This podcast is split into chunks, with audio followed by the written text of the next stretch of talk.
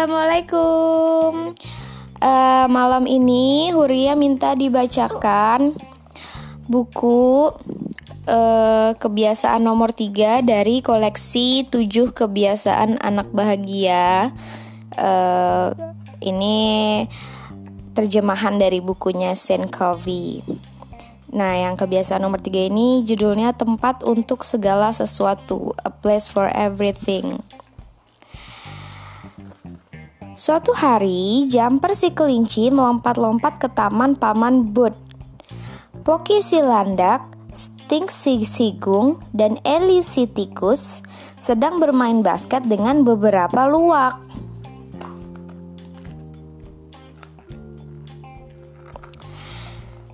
Kau mau bermain? Tanya mereka. Sudah pasti, kata Jumper. Tapi Kau tidak bisa main jumper, kata Eli. Kau tidak pakai sepatu cat. Cendal jepit tidak cocok. Nah, si jumper uh, lagi pakai sendal jepit.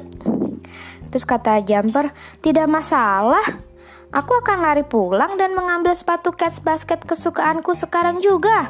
Terus dia loncat-loncat pulang. Oh iya, jumper ini adalah seekor kelinci ya, teman-teman. Terus sampai di rumahnya jumper, itu lubangnya jumper begitu berantakan hingga ia tidak dapat menemukan sepatunya di mana pun. Dia cari ke lemari, di bawah tempat tidur, di antara alat-alat olahraganya. Jumper mulai melempar-lempar berbagai benda keluar dari lubangnya. Twing, twing, twing. Cuk. Tahu-tahu bola yang dilempar jumper dari bawah lubang e, rumahnya kena kepala Gup si beruang. Aduh, teriak Gup si beruang. Apa yang sedang kau lakukan, Jumper? Apa ada semut di celanamu? Aku tidak bisa menemukan sepatu basket kesukaanku dan aku membutuhkannya sekarang juga. Barangkali kau meninggalkannya di rumah Lili kemarin, kata Gup. Mereka pun bergegas melintasi sungai Cherry ke liang Lili. Namun sepatu Cats itu tidak ada di sana. Mereka mencari juga di rumah pohon Semi dan Sophie si tupai di kotak pasir Ellie, di rumah Poki si landak, dan bahkan di gua gup si beruang. Sepatu cats itu masih juga tidak ada. aku tidak akan pernah bisa bermain basket lagi seumur hidupku. Jumper menangis. Tenang saja, sepatu itu pasti ada di dalam lubangmu. Ayo kita kembali dan mencarinya kata Gup mencoba menghibur. Ketika mereka sampai di lubang jumper, Gup berkata, tidak heran kau tidak bisa menemukan sepatu catsmu. Lubangmu ini terlihat seperti baru diterjang angin tornado. Ayahku mengajariku, sediakan tempat untuk segala sesuatu, dan segala sesuatu punya tempatnya. Hmm, apa artinya? Jumper bingung.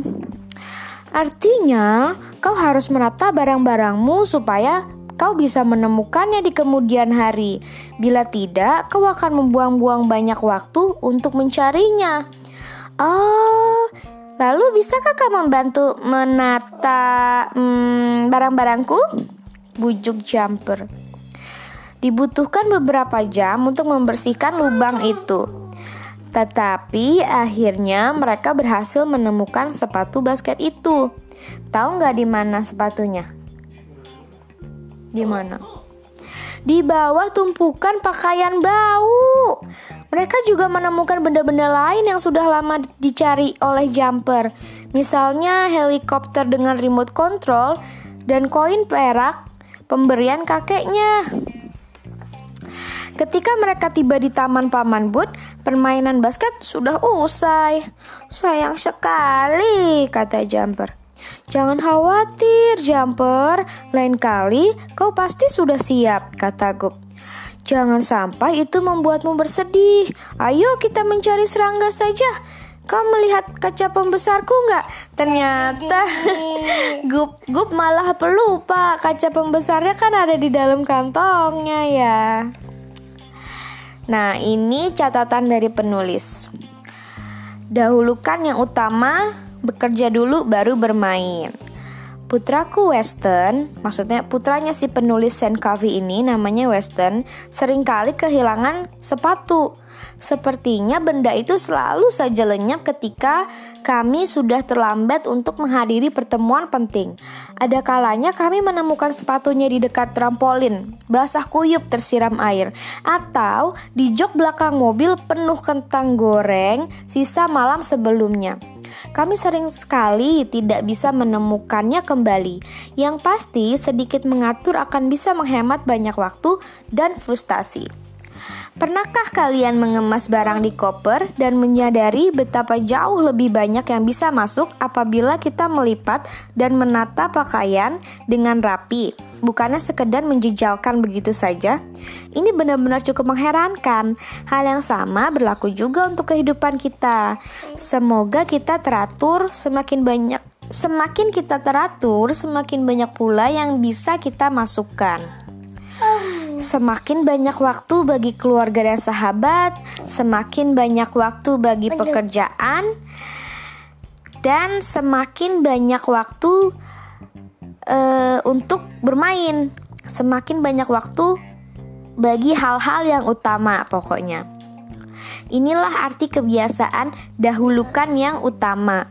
Artinya, bekerja sebelum kita bermain dan tetap mengatur kehidupan kita.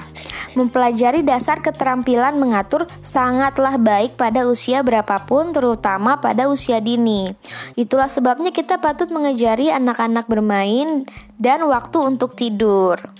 Juga selalu harus disediakan tempat untuk segala sesuatu, tempat untuk sepatu kita, tempat untuk uh, pekerjaan rumah kita, dan tempat untuk mainan kita, gitu Hur. Di dalam kisah ini, pastikan untuk menekankan betapa gusarnya hati jumper ketika mendapati ia tidak bisa bermain basket dengan teman-teman karena kamarnya begitu berantakan hingga ia tidak bisa menemukan sepatunya. Bandingkan dengan betapa senang perasaannya ketika kamarnya sudah bersih dan teratur.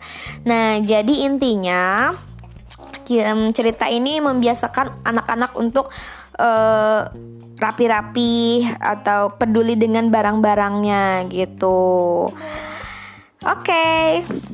A place for everything is done. Sampai jumpa di dongeng berikutnya. Bye. Assalamualaikum.